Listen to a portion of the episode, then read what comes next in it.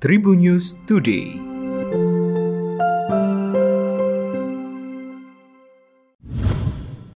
Halo Tribuners, apa kabar Anda hari ini? Saya akan menginformasikan informasi terupdate untuk hari ini ya dalam Tribun News Today. Kita awali dalam berita nasional.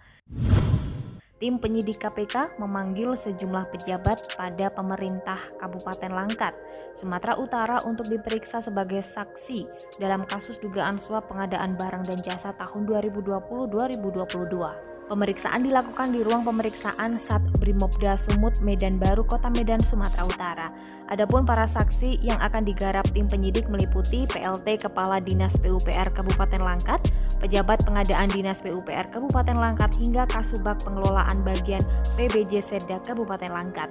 KPK telah menetapkan enam orang sebagai tersangka dalam kasus dugaan suap terkait pekerjaan pengadaan barang dan jasa tahun 2020-2022 di Kabupaten Langkat, Sumatera Utara. Sebagai penerima suap yaitu Terbit, Kepala Desa Balai Kasih, kakak kandung Terbit, Iskandar PA, serta tiga kontraktor yakni Marco Surya Abadi, Suhanda Citra, dan Isfi Syafitra. Kemudian satu orang lain sebagai tersangka pemberi suap yaitu Muara Peranginangin selaku kontraktor. Selain dikerjakan oleh pihak rekanan, ada juga beberapa proyek yang dikerjakan oleh Terbit melalui perusahaan milik Iskandar. Diduga dalam penerimaan sampai dengan pengelolaan uang-uang fee dari berbagai proyek di Kabupaten Langkat terbit menggunakan orang-orang kepercayaannya yakni Iskandar, Marcos, Suhanda, dan Isfi Syafitra. Diduga pula ada banyak penerimaan lain oleh terbit melalui Iskandar dari berbagai rekanan dan hal ini akan didalami lebih lanjut oleh tim penyidik. Kita beralih ke kabar internasional, Tribuners, survei yang dilansir oleh Traveler Digest yang dirilis tahun 2021 lalu menyebutkan wanita Ukraina ternyata adalah wanita tercantik di dunia. Kecantikan wanita-wanita Ukraina itu juga diakui oleh Presiden Amerika Serikat Joe Biden saat berkunjung ke kota Kiev pada 2019 lalu. Di kota ini Joe Biden terkesima oleh kecantikan wanita Ukraina dan kecantikan mereka juga yang membuat nafsu tentara Rusia naik turun.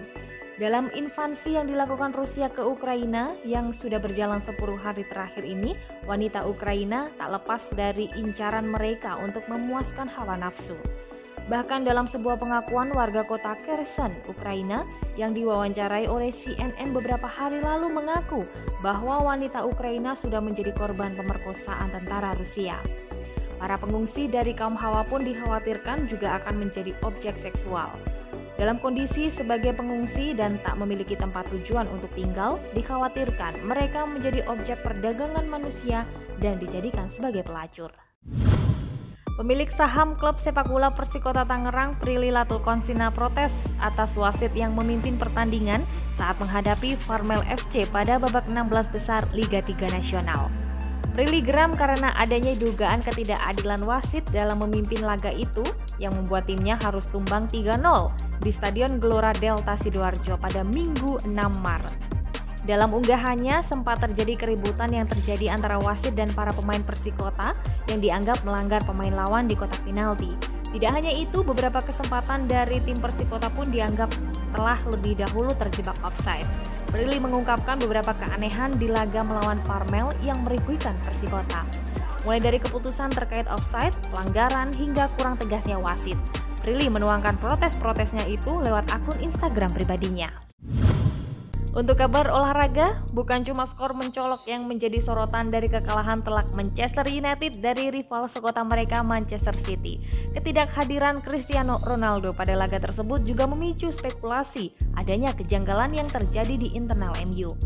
MU dibuat tak berkutik takluk 1-4 kala melawat ke markas Manchester City dalam laga pekan ke-28 Liga Inggris Minggu 6 Maret. Di laga itu, MU terpaksa tidak diperkuat oleh Cristiano Ronaldo yang mengalami cedera. Menurut pengakuan Ralf Rangnick, mega bintang asal Portugal itu mengalami masalah pada pinggangnya. Namun legenda Manchester United, Roy Keane, mencium bau tak sedap di balik alasan absennya Ronaldo di laga kontra City. Kane menilai absennya Ronaldo karena masalah di pinggang tidak masuk akal, mengingat sang pemain jarang sekali mengalami cedera. Ia mengklaim absennya Ronaldo bisa jadi dipicu oleh anggapan bahwa MU lebih baik tanpanya. Mantan kapten MU itu pun menegaskan bahwa anggapan semacam itu amat sangat berbahaya dan tidak bisa diterima. Demikian informasi terkini yang ada di Tribunnews Podcast. Saya Delta Gonzalez. Sampai jumpa. Tribunnews Today.